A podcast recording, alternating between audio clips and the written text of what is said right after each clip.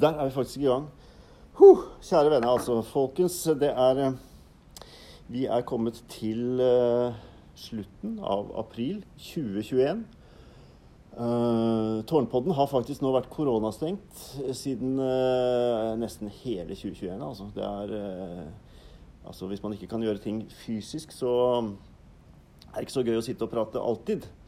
Men nå er vi da fysisk Altså, jeg er i et rom som heter Divan på Arena. Vi er fysisk til stede, tre mennesker. Margrethe Kvalbein, for å begynne med kvinnen i rommet. Eh, og Runar Gode, den andre mannen i rommet, ved siden av meg selv. Eh, og hvorfor sitter vi her egentlig? Fordi eh, Runar Gode, du begynte å jobbe hos oss som kateket første i første Det i år. Mm. Eh, det var Det var liksom ingen sånn velkomstparade med korpsmusikk og flaggheising eh, da du ankom. Og du har nesten, liksom, vi har nesten ikke vært fysisk til stede sammen siden du begynte. Det er skrekkelig, men det er eh, Sånn er det. Og så, eh, før vi liksom bare tar den ballen videre, Margrethe. Du begynte nå med surre litt med datoene. Det Men gjør ikke jeg, for det var dagen etter Viken stengte ned. 16. mars. 16. mars eh, så er du nå her som vikar og kapellan for Solveig, som nå er hjemme og passer sitt nyfødte barn. Eh, og så dere er liksom begge litt sånn kommet inn nå i den tida hvor vi egentlig ikke er her. Eh, rett og slett, Det er jo, er jo egentlig ingen som omtrent er på dette kontoret. Nå mykner det litt opp, faktisk. Så vi har liksom, det er sluppet litt sånn mer løs at man får lov til å komme. Kanskje vi ser, ser hverandre litt oftere. Um, men eh, Runar, jeg må nesten spørre Runar først, fordi at du har vært her lengst. Hvordan, hvordan var det å komme som ny til, eh, til oss i Moss menighet og Moss kirke? I disse tidene, har du liksom reflektert over det, eller er du bare rett og slett uh, gammel i game og tar alt som det kommer? Ja, det er litt begge deler. da. Eh, Jeg opplevde absolutt at det ble tatt veldig godt imot eh, sånn på mail og sånn. ja, På mail, ja. Og så fikk jeg etter hvert da også lov å komme hit og hente nøkler, og fikk PC, og det var jo stort bare det. Så, så jeg, og jeg fikk da også møtt en del, eller de aller fleste egentlig, den første dagen jeg var her i januar, 4. januar eller noe sånt. Eh, Men etter det så har jeg vel vært her en fire-fem ganger på eh, huset, sånn på arena rent fysisk. ja. Og så er jo resten da på Teams og den type ting, da. Digitale, Digitale plattformer. møtepunkt er det nok Ja. av i løpet av ei uke. Ja. Mm. Ja. Men, eh, men jeg har absolutt blitt godt mottatt allikevel, selv om jeg ikke har møtt så mange av de aktive i menigheten. Da. Det er jo stort sett staben jeg har møtt. Mm. Uh, mm. Ja. Ja, ikke sant. Veldig mange har rett og slett ikke sett deg eller truffet deg, som eh, liksom tilhører eh, fellesskapet vårt. Eh, Margrethe, du eh, Du har faktisk vært her før. Hva var det for noe? Var det 2016? 2016, ja det var litt heldig med sånn som det ble nå. For da ble jeg jo litt kjent med de fleste som, som er i staben nå Ja, for fem år siden. Da hadde jeg den første menighetspraksisen min ikke sant? i presteutdanninga der. Mm. Så, så Anders sogneprest, som jeg jobber mest sammen med nå, f.eks., kjente jeg jo fra den gang. Da han var Ja. min veileder. Og vi hadde jo vært eh, litt sånn eh, i samme setting rundt kultursatsinga. Ja, jeg har vært eh, kulturrådgiver også som vikar. Ikke sant? Før det. Mm. Så vi kjente hverandre fra litt sånn kurssammenheng og Mm. ting og tang. Uh, og du har vært med på noen prosjekter også, kulturprosjekter, uh, fordi du, fordi du danser. Ja. Ja. Og Det er litt, litt eh, rart å si det i sånn presens eh, Jeg vet det, eh, fordi du- nå, for det er, nå er det litt dårlig stelt Ja. med dansing. Men eh, ikke sant? Og for dansere har jo ofte blir jo, hva skal vi si Eh, eldgammel- pensjonert Elgammel tidlig. som danser nå. Ja. Eh. Jeg vet ikke hva som er pensjonistalderen for dansere og, og sånn, Ja, de- Nasjonalballetten ja. og sånne ting. Det er, De, få som har en ordning, som er i Nasjonalballetten, de er pensjonert som 42. ja, 42, ja. Så det er klart For tre år siden jeg så han som jeg gikk på videregående med, som fikk seg en karriere i Nasjonalballetten, som hadde sånn portrett i Aftenposten Hvordan Mm. Ja. er det å bli pensjonist som 42-åring? Ja, så var det litt sånn Ja. Det er strategisk å bli prest, da. For nå går jeg fra å være gammel danser til å være en relativt ung prest. For du har jo danset da veldig mye i kirkelig sammenheng. Det har jeg. Og du har danset Bach. Hos oss. Jeg Blant deler nok en, eh, en glede over Bach med Mm. en del mennesker på huset. Ikke sant? Ja. Og, så det var veldig stas. Og så husker jeg også fra den tida Jeg vet ikke om du har den, du hadde en elbil med en veldig lang skjøteledning som, eh, som gjorde at den, eh, liksom, bilen sto ute, parkert her ute, og så var det en skjøteledning opp i andre etasje. Bare. Det, det viste seg at jeg hadde en slags palliativ omsorg for en litt, eh, litt antikk Ja, du- du har- eh, du antikk Peugeot 106. Du har eh, ikke den ennå. Den er død. Den er død. Skrota. Ja, den er skrota. Takk for seg. Men du skal i hvert fall være her da Det, er vel eh, røftlig et år, da. Som kaplan. Men så er det også en annen situasjon som dere deler, da, ved siden av at dere er to nye eh, inn i settingen nå, så, så har dere også studier. Dere er midt oppe i studier og avslutninger og det ene med det andre, og oppgaver og sånne ting. Så dere hadde en eh, En av oppgavene var vel at dere, at dere skulle ha en gudstjeneste nå i forbindelse med studiet. Og det ble tatt opp på Ja, det vel ca. ei uke siden. torsdag, var det? Forrige torsdag, ja. Forrige torsdag. Mm.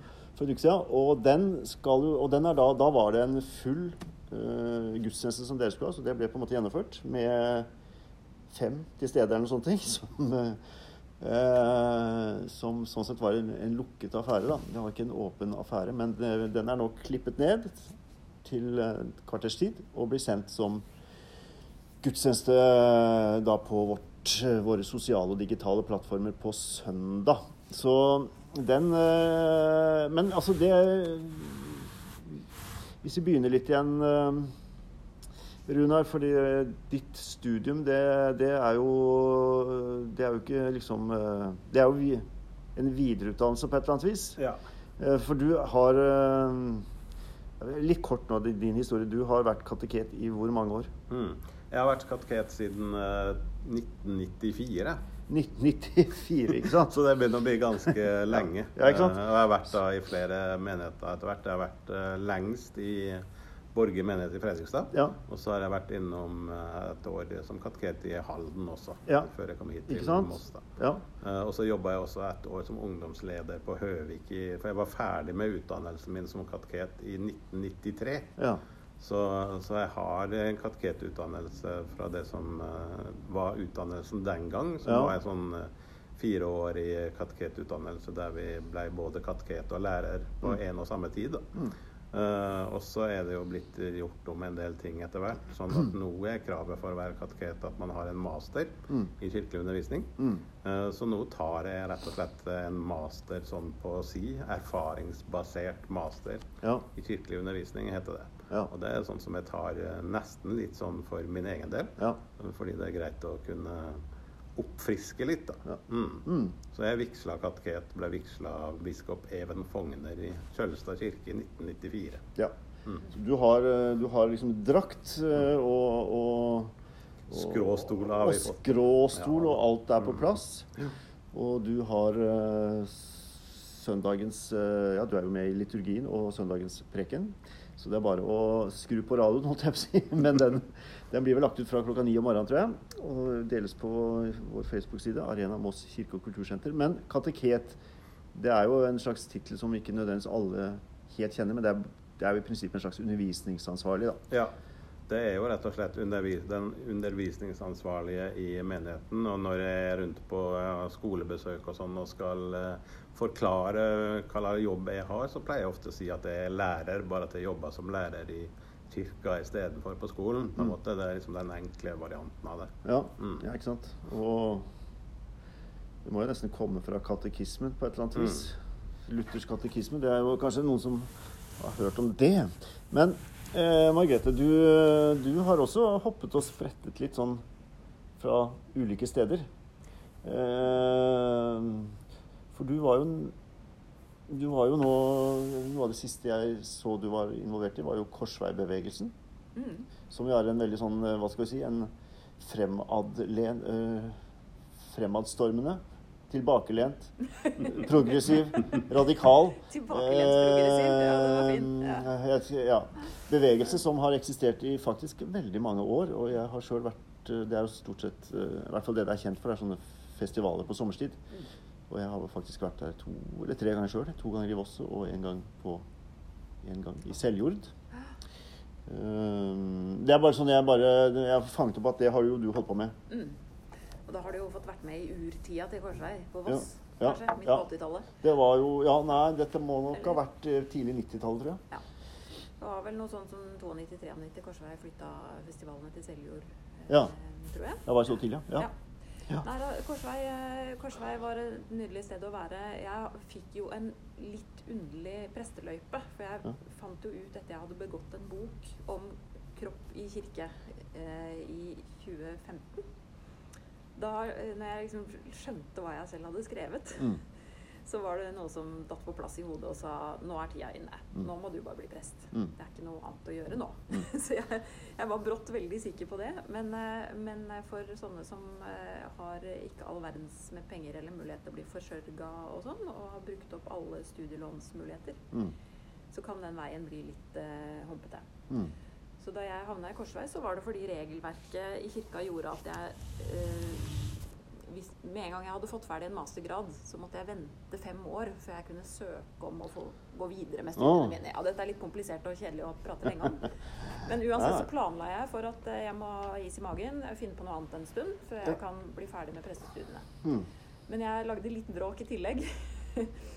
og plutselig så hadde jeg bråkt nok til at en regel ble forandra. Så Mm. jeg fikk eh, bli prest litt eh, fortere enn Mm. jeg eh, kunne planlegge da, en stund.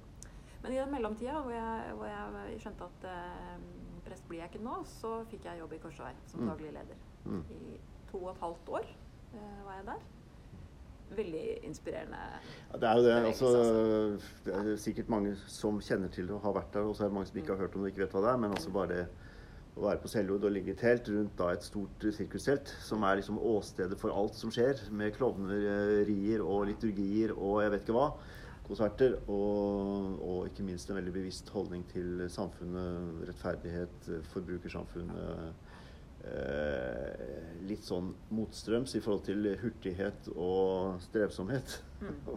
Å komme Ja, seg opp og fram, så er det jo virkelig en, sånn, virkelig en viktig bevegelse som jo Ja, som jeg har holdt, til, holdt på veldig lenge. Da. Mm. Og den er økumenisk. Ikke og det, det er det kanskje ikke så mange som har, også som kjenner Korsvei, som har tatt inn over seg. Og, og det er klart, vi er jo skeivfordelt. Vi er jo et flertall av det norske kirkefolk i Mm. Korsvei-bevegelsen. Ja. Men det å, å få jobbe litt sammen med, med folk fra andre kirkesamfunn og andre måter å tilbe på, Mm. f.eks., Ja. det er inspirerende. Jeg har nok aldri opplevd eh, det med mine barn. At de var, de var jo små da vi var der, men de var liksom eh, De løp, for de skulle, ha liksom, de skulle ha plass helt foran når det var sånne liturgier når de som begynte med litt sånn klovneri. og Så skulle de, de skulle raste av gårde for å sitte helt fram. Det har vi ikke fått til sånn på det jevne når det gjelder eh, gudstjenesteliv og kirkeliv med barna. Men, eh, men det betyr jo at dere har, en, dere har jo greid det òg, da. Eller denne bevegelsen har greid det å skape et veldig sånn sterkt ja, forhold til. De minste. Nei, og det, mitt første litt sånn nære møte med Korsvei-bevegelsen den har egentlig vært i livet mitt litt indirekte lenge. Men, men jeg var danser på en Korsvei-festival i 2003. Ja. 2003. Mm. Og det ble en kjempefin erfaring, fordi eh, Korsvei har tatt kunsten på alvor. Ja. Eh, Så for meg som, som som danser som prøvde å, å gjøre en karriere av å jobbe med, med kirke og kristenliv Mm. som scenekunstner, Mm. Så var Korsvei et godt sted å være fordi det ble, det ble tatt på alvor. Og det ble tatt på alvor som teologi, på en Mm. måte. Mm. Og Ja. det er jo det som funker i den familiemessa som Korsvei har bygd opp over tid også. At man engasjerer virkelig proffe folk til å Mm. gjøre en fortsettelsesfortelling som er veldig engasjerende. Som erstatter prekenen i, Mm. i det festivalformatet. Vi, vi trenger vel ikke å Vi trenger vel ikke å Det er jo ikke å banne i kjerka Mm. og si at vi har, vi har brukt litt eh, få sanseinntrykk i vår vanlige Mm. Eh, kirkeliv. da. At vi har vært, vi har vært litt snaue med å liksom involvere hele mennesket. Men det har jo skjedd mye de siste tiåra på, på det, altså. Ikke minst innafor for praktisk teologi så, Ja. har det jo vært en, en vending. Ja da, men altså at det er viktig at det er sånne krefter som på en eller annen måte løfter opp disse perspektivene. Da, på en, eh, det har vært kjempeviktig. Men Runar, eh, du eh, Men nei, eh, Margrethe. fordi at ditt studium er jo nå liksom også sånn på tampen. Ja, og endelig. Endelig. Ja, nå Så nå er du her Jeg har først. jo ikke Stoland, som, eh, som Runar har på skrå. Jeg Nei. får jo en som går rett ned, men den får jeg i slutten av juni hvis alt går som det skal, Hvis med eksamener og eh, kontakt med biskopen Ja. og litt sånne ting jeg skal gjennom nå. Ja, for da heter det en eh, type vigslings... Det er en ordinasjon. ordinasjonsgudstjeneste Ja. som forhåpentligvis blir fysisk. Ja, det, Kanskje? Det, det, det blir det nok. Spørsmålet er hvor mange som kan være til stede. Ja, hvor mange som kan være til stede. Det er det vi lurer på, selvfølgelig. Men, men øh, jeg er litt spent på Runar. Altså, dere må gjerne utfordre hverandre òg, men øh, hva slags type hva slags type kirkelig på en måte kommer du fra? Hvilket, hva, hva har det, liksom stedet her i Moss da? Hva har det, har det vært en greie? å liksom Ja. komme hit for å, for å være med i dette Fellesskapet her. Ja, både fellesskap og litt sånn utforskende steder. Da. Jeg har jo Mm. en kollega her på huset som, eh, som er, eh, jobber i Bymisjonen, som sier at dette her er et sosialt laboratorium. Altså vi, vi tester ut ting som av og til ikke er gjort før, og så her ringer det Her ringer menighetspedagog eh, Morten Ja. Ødegaard, rett og slett. Vi avviser han. Ja, bare avvis eh, Men åssen får vi gjort det? Sånn. sånn, for eksempel. Det er Han eh, ringer da fra tre etasjer over oss, eller noe sånt? Ja, to etasjer over en. oss. Mm, en. en. Mm. Ja. Nei, for det er ikke sant, vi kommer jo, vi kommer jo fra veldig ofte litt sånn ulike kirkelige tradisjoner. Og det er, selv om vi liksom er nesten i samme fylke eller i samme kommune, så kan det være nyanser og forskjeller da, eh, Mm. på hvordan Ja, da, ja, det er klart at fra oppvekst og sånn, så har jeg vokst opp i Ålesund, som noen kanskje hører. Uh, Ja, det visste, det visste det har dere ikke ville lagt merke til. Men jeg vokste jo opp der og i en familie som var aktiv i Den norske kirke, for så vidt. Men Ja. også i Mamma var jo da speiderleder i KFK-gruppe i Ålesund i mange år, så jeg var jo med helt fra jeg var bitte liten. Så fikk jeg jo være med på jenteleirer før det var felles leir. Eh, og eh, etter hvert så var jeg også aktiv i uh, Voldsdal menighet i Ålesund. Og så uh, speider sjøl en periode, og så gikk det mer over i KFK KFM-settingen for min del, da, i TenSing-bevegelsen, hvor jeg har eh, ja. vært mest aktiv eh, når jeg bodde hjemme. Og jeg var jo også på et sånn TenSing-prosjekt i Danmark et år, Ja. samtidig som jeg studerte det første året på studiet i Volda. Mm. Uh, og når jeg kom hit til Østfold, da, så, så har jeg også vært aktiv i KFK5 i tillegg til uh, jobben som kateket. Ja. Og når, når jeg jobba som kateket i Borge så, i Fredrikstad, så hadde vi et nært samarbeid med den organisasjonen i, i menighetslivet gjennom at vi var med på en del sånn frivillige ting med ungdom og konfirmanter sånn da, på TT og Spekter og den type ting. Ja. Um, så det er liksom litt av min, min bakgrunn sånn kirkelig sett. da. Mm. Um, og har også vært aktiv i, vært medlem i bispedømmerådet og kirkemøtet og en del sånn politiske ting. Ja. Og så er du jo leder for Leder for kirkelig, øh, KUFO, Kirkelig undervisningsforbund. ja, som er, for, altså, som er en fagforening. Fagforening for, For, øh, oss som driver med kirkelig undervisning. Så Ja. det er jo stort sett menighetspedagoger og kateketer Og som ja, er sant. menighetsarbeidere som er med Ja.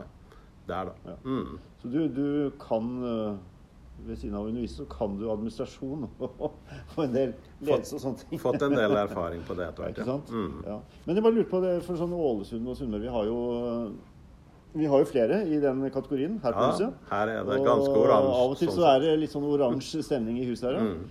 Særlig før og etter eh, de spiller Mm. eh, fotball, da. Jeg må jo nesten fortelle, for jeg har faktisk vært i garderoben oppe på Meløs her. Oh. Eh, Da var jeg og sønnen min på kamp. Det, var, det er mange, mange år siden. Ja. Men, eh, og det var en kamp som ikke betydde noe særlig for eh, Ålesund eh, fotballklubb. For de hadde rykka opp for lenge siden den gangen, men jeg tror det betydde ganske mye for Moss, eh, den kampen der. Ja. Men uh, etter den kampen så fikk jeg og Elias, sønnen min, lov å komme inn, eh, for jeg var en kompis av meg som spilte på AFK den gangen. Ja.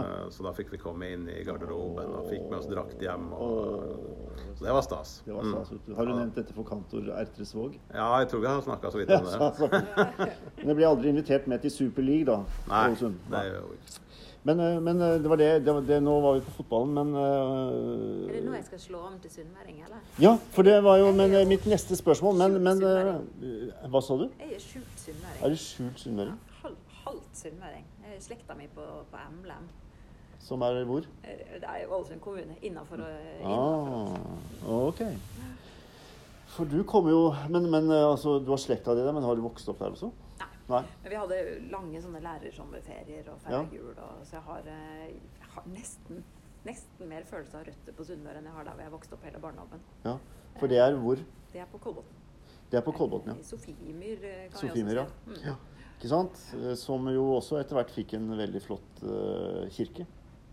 Ja, og jeg, jeg føler meg litt sånn, nesten som sånn ektefødt barn av, av Sofiemyr kirke. For Ja. jeg, jeg var jo liksom, tassa barneskoa, eller hva det heter, på Sofiemyr-samlinger, som var litt sånn sosialt, diakonalt uh, forløpsprosjekt til Ja. Kirke. på Mm. sett. Man bygde menighet på Sofiemyr, og Ja. foreldrene mine var involvert i, i det.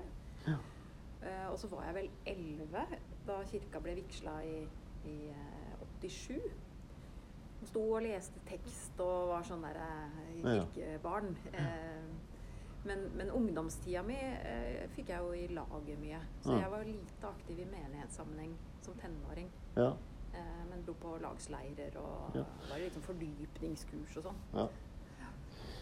Eh, Jeg husker godt at den kirkeåpne den var jo en sånn type Det var liksom et, en av de liksom nyere eh, arbeidskirkene som begynte å ligne mer på kirke enn på på hva skal jeg si, gymsaler eller hva det måtte være. Det var liksom et, eh, det var et utrolig flott sted med dette torget og alt sånt Virkelig, virkelig flott sted.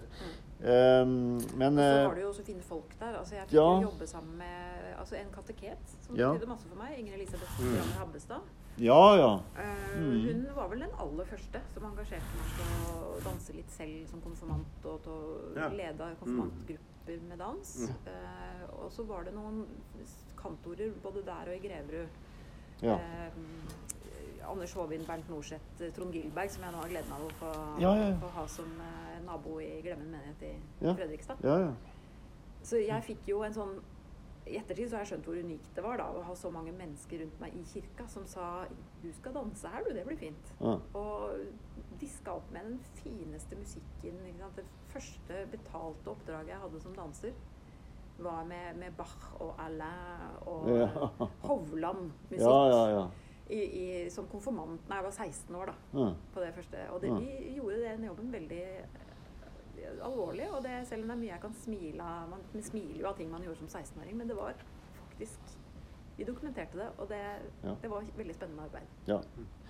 Du har kanskje lagt merke til at vi har et sånt uh, bilde av dans i kirka på, som, som banner øverst på vår nettside. Oh, ja. Det er fra mm, Vi hadde ja, jeg tror i hvert fall to første påskedager hvor, hvor vi hadde altså Elbjørs eh, ballettskole som danset eh, oppstandelsen altså til et resurrexit av Augustika Knut Nystedt. Og, det var eh, ja, det er jo Vi burde jo gjort det mer eller mindre som fast del av det å være en kulturinstitusjon.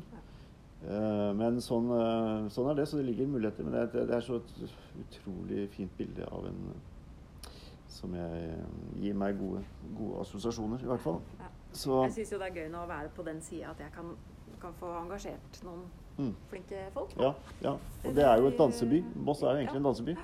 Og til og med på Frei, som jeg vikarierte i noen måneder i 2017, så fikk vi jo inn noen til å danse til første påskedag. Og Ja.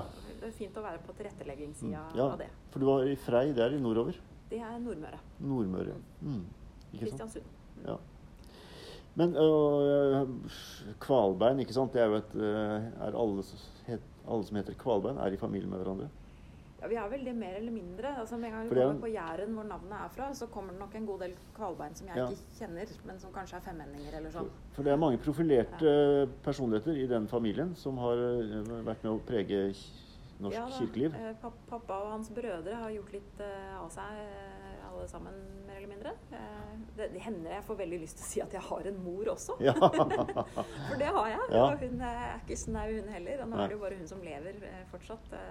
Pappa døde nokså tidlig, egentlig, dessverre. Mm. Men, men ja da, det er en solid gjeng. Ja. Brødreflokken Ja, ja, ja.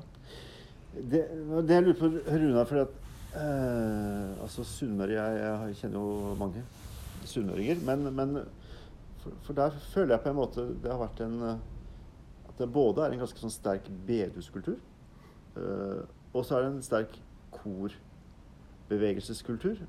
Og så er det også vært liksom veldig sånne radikale strømninger. Jeg bare lurer på, Er Ja. det sånn typisk For det, det har vi jo andre steder i Norge òg, men, men jeg bare lurer på om det er enda mer sånn tilspissa eller om, det er, eller om det på en måte er harmoni mellom de to, eller de, de, de tre Ja, bevegelsene. Nei, det er nok litt som du sier at det kan være både òg, det. Uh, og jeg har jo da Jeg heter jo Godø og har familie på Godøya, uh, Ah. som ligger rett utafor Ålesund. Ja. Uh, jeg har aldri eh, bodd der sjøl, men eh, og pappa flytta også til byen da han var liten, så vi har liksom jeg har hatt hytte og har en viss tilknytning der ute. Og der er det nok veldig sånn sterkt bedehusmiljø, annet. Ja.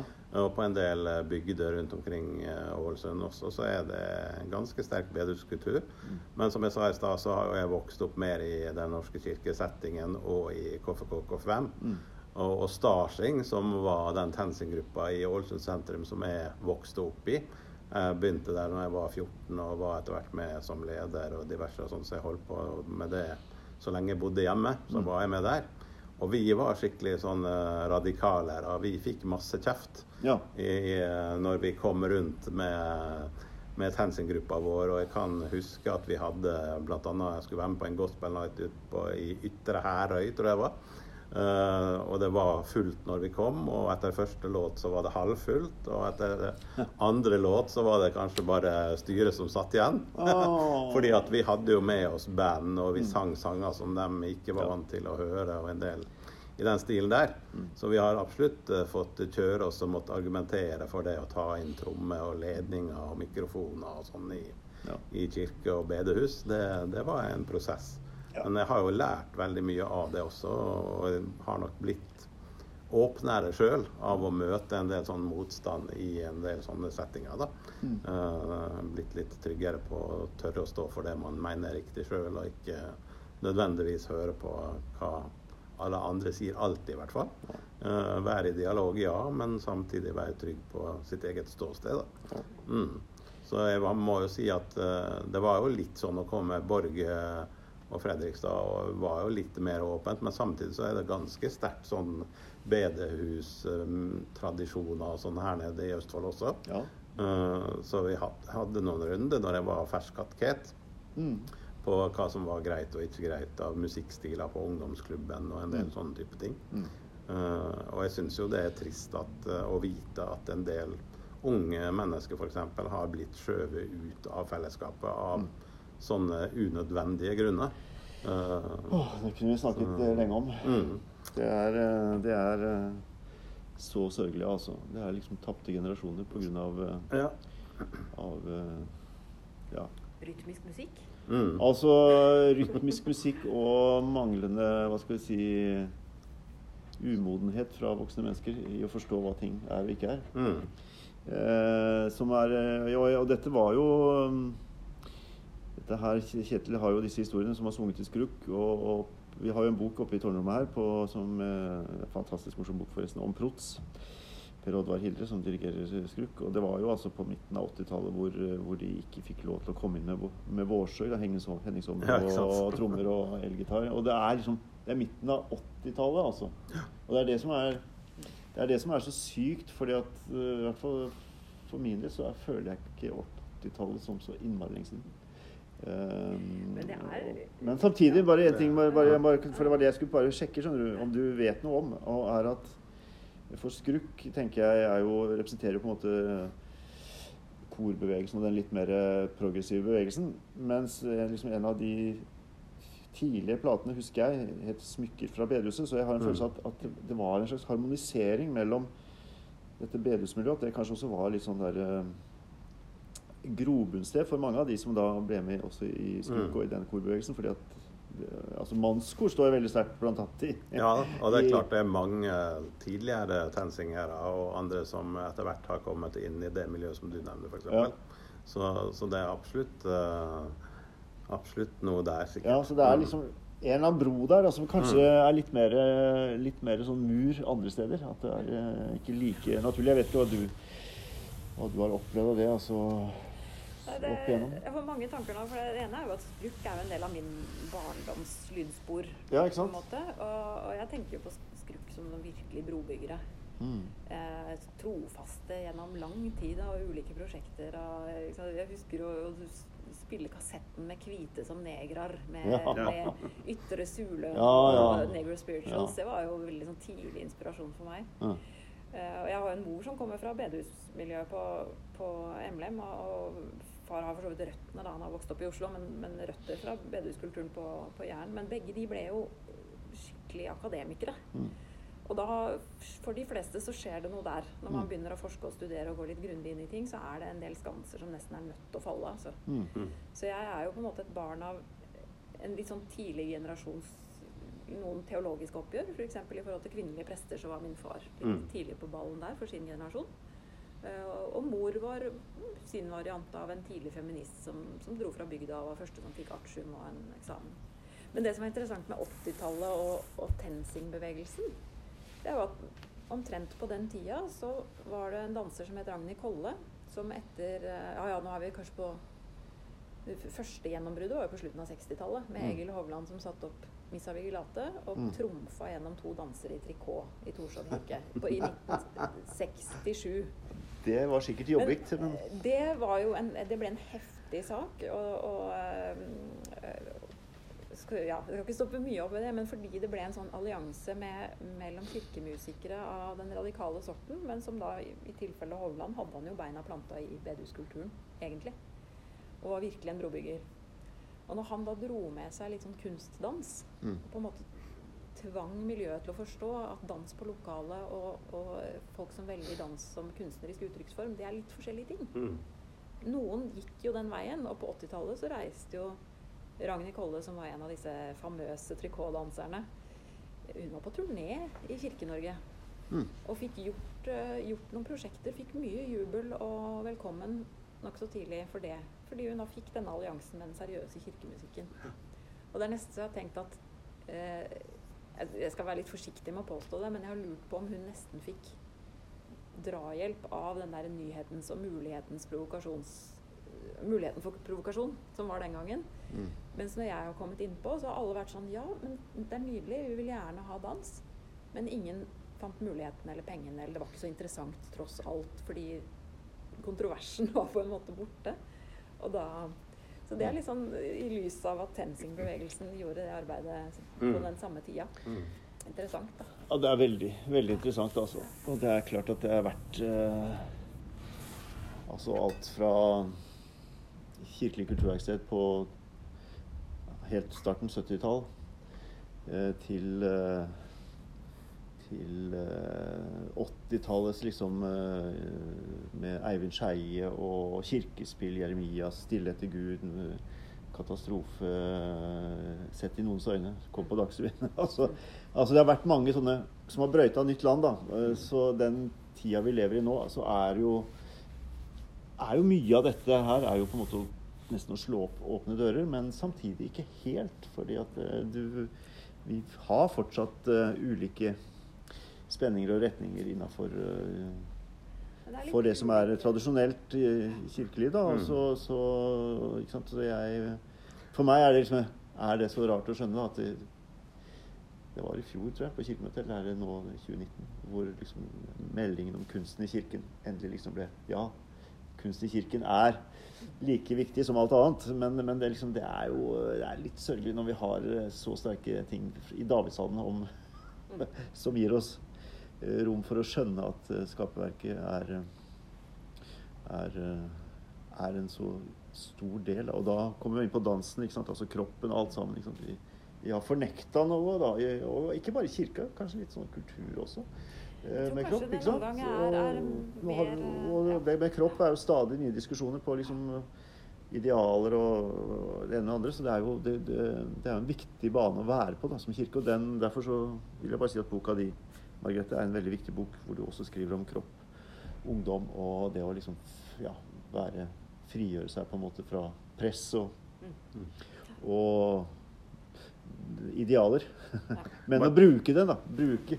Mm. Jeg bare tenker på en ting som jeg opple- har opplevd har vært viktig for meg i det miljøet som jeg har vært eh, mye tidligere, og for så vidt nå også. eh, Som det som er viktig som, som kirke, tenker jeg, er jo nettopp også å finne rom for en del mennesker som er bl.a. gjennom Starsing og TenSing-bevegelsen har opplevd, så, så har det vært et miljø der folk som har følt de ikke har passa helt inn i en eller annen annen setting, da, enten det nå skulle være bedehuset eller kirka, liksom, så, så, har ikke alle funnet seg til rette der. Eh, men jeg opplevde særlig i Starsing-tida i Ålesund at det var ganske mange ungdommer som kom inn der fra forskjellige plasser i samfunnet, for å si det sånn. da. Mm. Uh, og en del av dem hadde relativt store utfordringer også, både med livet og seg sjøl og på forskjellige måter. Mm. Men så ble det et sted og et miljø der man opplevde at man fikk lov å være seg sjøl. Og det har jeg kjent på sjøl også, uh, med en litt sånn utfordrende barne- og ungdomstid kanskje på mm. forskjellig vis. Og mm. så fant man et miljø der man fikk lov å være seg sjøl og vokse og utvikle seg, og etter hvert være med som leder og kunne få det som en jobb i kirka etter hvert også.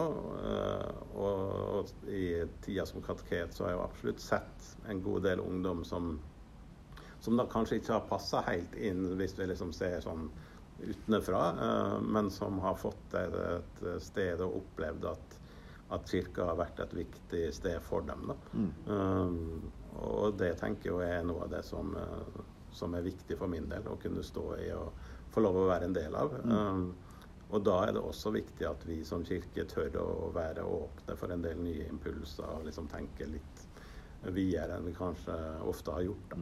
Mm.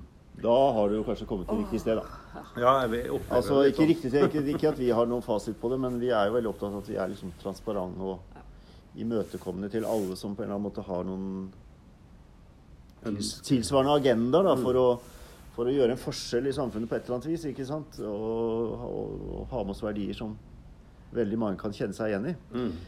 Uh, jeg får veldig lyst til å skyte inn, da, for det, du treffer jo en nerve for meg òg. Vi har så mye å gå på i kirka med å fortsette å bygge på, på å lage liksom mangfoldig, inkluderende type mm. miljøer og fellesskap for, for yngre og eldre. Mm. I boka mi så tror jeg jeg drev og, og surra litt rundt dette uttrykket med å skape seg. Jeg vet ikke om folk sier det lenger. Noen ganger så irettesetter man jo barn med å skape det. ikke skape deg. Ja, ikke gjøre det til. Og det, det, har blitt en sånn greie for meg at uh, i hvert fall i forhold til tenåringer så er det yes, skap deg. Mm. Kom igjen. Uh, og, og, da si at når vi da jobber med Jeg ble jo fanga opp av balletten parallelt med kristenmiljøet i min tid. Og da fikk jeg jo veldig ulike måter å skape meg på. For meg ble det litt sånn spagat. Men det er en annen historie. Eh, det å få sjansen til å skape seg. Mm. Eh, og der er, kunsten ganske viktig, og kirkekunsten også. Å sørge for at det ikke bare er ett rom. I min fars hus er det mange rom, og det er mange rom for å skape seg når man er mm. ung. Mm. Men også for de voksne. Jeg har sett noe av det samme i Jeg gjorde en masteroppgave hvor jeg besøkte noen bymisjonsgudstjenester. Og, og, studerte litt det, de, det, som de ofte har med av en sånn lystenningsseremoni. Mm. Hvor det å få, få, stå og tenne et lys og fortelle litt om livet sitt, eller be mm. en bønn som viser noe av hvem, hvem som står der, mm. hvor enormt viktig det var som en liturgisk praksis for de mm. som var med. For det, jeg møtte da mennesker som kjente at jeg lager gudstjeneste, jeg nå. Sammen mm. med presten, sammen med de andre. Og det var, var virkelig en sånn livline for, for en del. Ja. Det, det, er jo absolutt det som er de fineste erfaringene mine fra konfirmantsamlinga også. Mm. Nettopp den der uh, siste biten av konfirmantsamlinga har vi alltid hatt sånn at det har vært uh, lystenning, og etter hvert fikk vi lysglobe i kirka, ikke sant? og vi fikk brukt det. Før, før det så var det kanskje telys. Uh, men når ungdom da fikk lov å gå og tenne et lys og be ei bønn på den måten, og kanskje høre noe musikk som man kan knytte noen tanker til også, så har det vært eh, den, den beste og flotteste gudstjenestene både for meg og for en del av de ungdommene. Det har vi fått veldig sånn tydelige tilbakemeldinger på i etterkant. Mm. At det er noe av det de husker, og som de liksom setter pris på. Mm. mm. Jeg, jeg, gikk så langt i, i, oppgaven min at jeg begynte å, å, kalle det for er dette noe litt sakramentalt, egentlig. Det å uh, se og bli sett, og la mm. seg se av de andre i fellesskapet. Og det er jo høyaktuelt nå som vi veldig lite se hverandre i samme rom. Mm. Uh, og, og jeg, jeg, får ikke til digitale gudstjenester personlig. Jeg skjønner at det er verdifullt for mange, så jeg skal ikke si at det er noe, noe tull å holde på med det. Men for meg er det, er det, viktig at det er en vesensforskjell på å være i samme rom og faktisk se hverandre, og, og det å, å, kunne møtes eh, via skjerm. Mm. Um. Helt klart. Det er, det er jo det er jo veldig mye som har vært krevende disse uh, halvannet årene, eller i hvert fall drøye året, da. Uh, på veldig mange måter. Og, og når, vi, når vi snakker om transparent og samarbeid og alt sånt, så er det jo det føles som det er liksom blåst på en måte bort på havet. Altså det, for at vi, vi møter jo ikke hverandre lenger. Nei. Mange av de jeg hadde kontakt med mer eller mindre på ukentlig eh, liksom ukentlig nivå, det er jo Vi ser ikke hverandre lenger. Alle sitter jo stort sett også da hjemme. Eh, men så er det Og det kunne vi liksom snakket om alt vi har tapt, og alt vi taper også, men så er det liksom Hva er det vi kan hente Hva er det vi kan hente ut av denne, denne perioden som vi har fått oppleve sammen, da, som, som kanskje også er verdifullt, da. Og det Ja, er, ja, har du noen tanker rundt ja, det? ja, det er sånn spennende. For at i den perioden her så får man jo også muligheten til å gjøre en del ting som man ikke har fått tid til før. Og en av de tingene jeg fikk gjort i går, var å følge et sånt eh, foredrag på eh, nettet. da. Eh, og det var et sånt businessforedrag som noen skulle liksom selge inn til oss. Og så var det noen gratis uh, teasere der i går, og sunnmøringer liker jo alt som er gratis. Så jeg heiv meg på og var inne og så på, så på det her var fire forskjellige foredrag i løpet av en ettermiddag. Ja. Uh, og en av de tingene som det var tema der, det var liksom, eh, spørsmålet var vel mer sånn hva nå? Hva skjer nå, liksom? Uh, når det samfunnet etter hvert begynner å åpne opp og sånn. Og så var det en som snakka om det at uh, vi nordmenn og folk flest får til det vi nesten det utrolige når vi må. Og nå måtte vi. Eh, det var liksom ikke noen som hadde noe valg. Eh, samfunnet stengte ned i mars i fjor, og så måtte vi over på en del nye løsninger. Og da viste det seg at eh, selv dem som var mest irritert og nesten ikke hadde ei datamaskin i hus, de måtte jo ut og kjøpe det for å komme seg på nett og liksom for å kunne delta i samfunnet. Eh, og der tenker jeg at vi som kirke også har vel egentlig noe å lære der. Altså vi, vi må tenke nytt. Det er ikke noe vi kan velge å la være å gjøre og bare lene oss på det gamle. Eh, og det er for så vidt noe som jeg har møtt ganske ofte og liksom i diskusjoner med både besteforeldre i gamle dager og kanskje med teologer og andre i systemet, for å si det sånn da, nå. Eh, at ja, men f.eks. gudstjenesten er jo så fin, den må være sånn som den alltid har vært. Fordi at det, det er tradisjon, og sånn må det være. Ja, kanskje må deler av det alltid være sånn, men samtidig så tenker jeg at vi må også tørre å tenke nytt. Mm. Uh, For vi skal hele tida nå nye mennesker, og da, da er det kanskje lov å både tenke og prøve nye ting. Mm. Ja. Nei, helt klart. Så eh, jeg vet ikke, Margrethe, altså, om du har reflektert. Det har du helt sikkert. Ja. På om det er noe vi liksom tar med oss nå som er rett og slett en eh, om det, er, det er noe vinn-vinn i Ja, nei, jeg, jeg tenker på liksom, to ting her nå. Det ene er eh, Jeg også har fått med meg noen sånne ting som jeg ellers ikke ville ha reist for å gjøre. Jeg var på Diakoniens dag eh, digitalt her. Eh, og der merka jeg meg de som snakka fra litt mer sånn terapeutisk hold, eller diakoner som snakka om hvor- hvordan løser vi oppgavene våre nå. Og det var altså så mye spennende erfaringer fra det å begynne å gå sammen med folk. Istedenfor å sitte i et terapirom Mm. Eller i et samtalerom som som regel er terapeutens rom. Mm. Og hvor man kanskje blir tvunget inn i en type blikkontakt eller en måte å prate på som for noen faktisk hemmer det arbeidet som skulle vært gjort.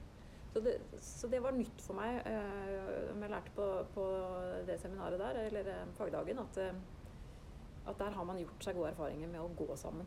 Eh, kan jeg skryte litt av at vi var litt i forkant med Korsvei med at vi tilbød sånn veiledningssamtaler gående på forrige festival. Men, eh, men i litt sånn større perspektiv så er jeg jo veldig spent på Jeg er jo engasjert i, i miljø- og klimakamp.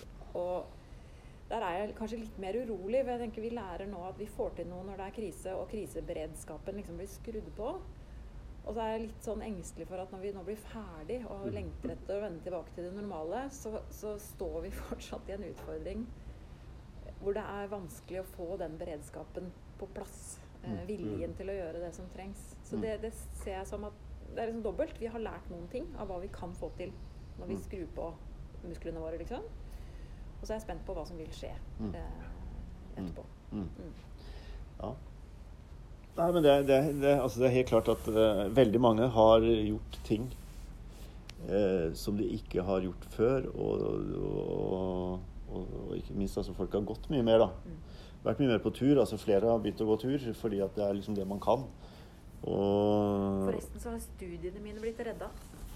Jeg hadde, jeg, Som hadde, betyr? jeg hadde umulig Jeg hadde ikke kunnet blitt ordinert så tidlig som i sommer hvis det ikke var for en uh, studieperiode uten oppmøte. Nesten uten oppmøte. Nei. For det var for dyrt for meg å reise til og fra Tromsø så mange ganger. Ja. Så, så det jeg har jo veldig sånn direkte gevinst, Ja, faktisk, det- sånn personlig. ja, ikke sant? Så Eh, og jeg tenker også at det er eh, I hvert fall for min egen del så har det vært litt sånn at jeg, nå nå har jeg plutselig begynt på ting som jeg tenkte at jeg, jeg ikke får begynt på før jeg blir pensjonist. Mm. Eh, altså store leseprosjekter eller andre ting som liksom er sånn derre eh, Plutselig er det mye mer tid, og, og, og det skaper en eh, en annen type Det skaper en rastløshet, men det skaper også en annen type ro. da, At, det, at vi har blitt påtvunget dette her. Det, Nå er jeg litt sånn at jeg skjønner ikke om det er mulig å liksom skru sveiva i gang igjen på samme måte som det var uh, før. Og det er ikke sikkert at det er det som heller er liksom Som er målet, da. At alt skal skrus tilbake til der hvor det var. Men jeg bare akkurat det med, det som er viktig kommer i gang igjen nå, da. Det, det er jo en ting som er veldig viktig Ja. at det kommer i gang, og det er jo fotballsesongen. For den må jeg si jeg har venta lenge på. altså. skal ikke du, Det har skal vært, ikke du spore av igjen? Det har vært veldig Altså- kjedelig år sånn sett å bare sitte og ikke få, ikke få gå på kamp. Eh, Det, det Ja. Det Det blir godt å komme i gang. Ikke sant? Mm. Hvem er det som har sagt det? Av alt som ikke er viktig, så eh, fotball er dog det Viktigste, Ja. ja. Mm. Nei, det er, det er kulturlivet, da. Tor, Tor. Jo, men uh, fotball er jo også Fotball er en stor del av kulturen. Ja, ja. Der er vi, det, kan vi, det kan vi ta en egen podkast på. Men da, da blir det mer debatt. Da tar vi, mer, da tar vi debatt. Men uh, det som var, eh, det som var uh, Nei, for jeg tror at altså, det er ingen sak å liksom høre på den der eh, gjøken som sitter på den ene sida og liksom sier alt som har blitt gærent, alt vi ikke får til, alt vi savner og alt sånne ting. Den sitter og gauler hele tida, men så er det den andre å liksom prøve å finne ut hva er vi ja, hva er vi hva er det vi har fått som vi ikke hadde før, eller hva er det vi har vunnet? ikke sant? Den er litt mer sånn Mm. liksom jobbe litt mer med det stoffet. Og jeg, men det er morsomt med Og litt irriterende, da. At svenskene liksom eh, veldig ofte ligger foran oss på en del ting. Og de Vi må bare liksom si at i kirkelivet så er svenskene er veldig offensive altså, og, og gjør mye spennende ting. Og de har bl.a. da i en kirke som jeg har vært eh, mye i Stockholm, eh, har da Jeg har ikke sett om de gjør det andre steder, men de har da laget et system for walk to talk. Slik at de, de, folk kan rett og slett booke en, eh, en av eh, medarbeiderne og, for å gå tur og prate sammen. Og det er ganske, og det er ganske offensivt. det, er, ikke- det er ikke så det er ikke, det er ikke hokus pokus filokus, altså det er ikke rene mirakler, men det er liksom bare å tenke at dette er et konsept som vi ikke hadde før. Det kommer til å funke nå som vi ikke kan Ja. ta imot folk inne. Og det er ganske, egentlig en ganske artig måte å tenke på. Fordi jeg har eh, praktisert egentlig i alle år at jeg har alltid tilbudt medarbeidersamtaler så, å gå tur og ha det. Eh, fordi jeg tenker at man eh, tenker på en litt annen måte, og, og det er bra, en bra måte å kommunisere på. Å være i samtalesituasjoner med å gå. Så vi burde selvfølgelig gått nå, men det, da hadde det blitt så mye vind i, i mikrofonen. Vind i monitor. Mm. Nei, men øh, nei, det er spennende å tenke det, altså. Og, så er det viktig å hva skal jeg si, tenke litt på det før vi plutselig kommer tilbake i mer normale gjeng. For da har vi kanskje glemt hva vi fikk som vi må huske på at vi kan ta med oss videre da, på et eller annet vis. Eller noe sånt. Jeg vet ikke. Jeg vet ikke. Hva vet vi? Eh, ja, nei, men uh, folkens Uh, Kjempespennende prat, og, og det som er alltid er veldig Veldig gøy, selv om vi ikke har merket det så sterkt denne gangen, er at når det kommer nye folk inn i et team, arbeidsteam, så blir egentlig hele teamet et annet team. Ja, det vil vi jo finne ut etter hvert, Ja, kanskje. og det vil vi finne mer etter hvert. For det har ikke blitt så ikke sant? Det har ikke blitt så sterkt og påfallende denne gangen fordi at vi ikke har sett hverandre. Men, men, eh, men det er bare sånn det er. Altså, man er det er kjempeviktig at, at når man får nye folk inn, så er man plutselig egentlig et helt Da begynner man egentlig litt på scratch igjen, men eh, ikke helt, da. Men, eh. Mm. men det å være med å liksom forme en, et arbeidsfellesskap også da, av de menneskene som kommer, og som kommer fra så mange ulike sammenhenger, og med så mye ulik kompetanse. Bare dere to nå. altså Skulle vi liksom skrevet opp kompetanse, erfaring og bakgrunn, og, og, og så liksom plukka ut det som, som er spennende å ta med inn hit, så er det så er det en helt uh, ny podkast Mm. med, med listeføring, XXL-ark, som vi da kan dele med alle som vil ha. Men uh, kjempespennende. Velkommen uh, fortsatt.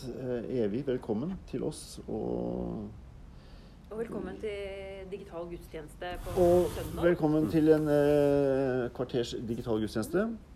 Highlights fra den lange gudstjenesten, fysiske gudstjenesten, med dere to in uh, charge ved siden av kantor Ertresvåg og, og en eh, liten, men dedikert uh, forsamling som, som var til stede. Svært dedikert. Hæ? Svært dedikert. Svært dedikert. Mm. Nei, men folkens. Eh, Runar, Margrethe, lykke til eh, her. Og så håper jeg at vi får masse muligheter til å være til stede i samme rom. Det satser vi på. Utover året og, og fremover. Yes! Yes, tusen Fint. takk. Takk for praten. Yes. Takk for praten.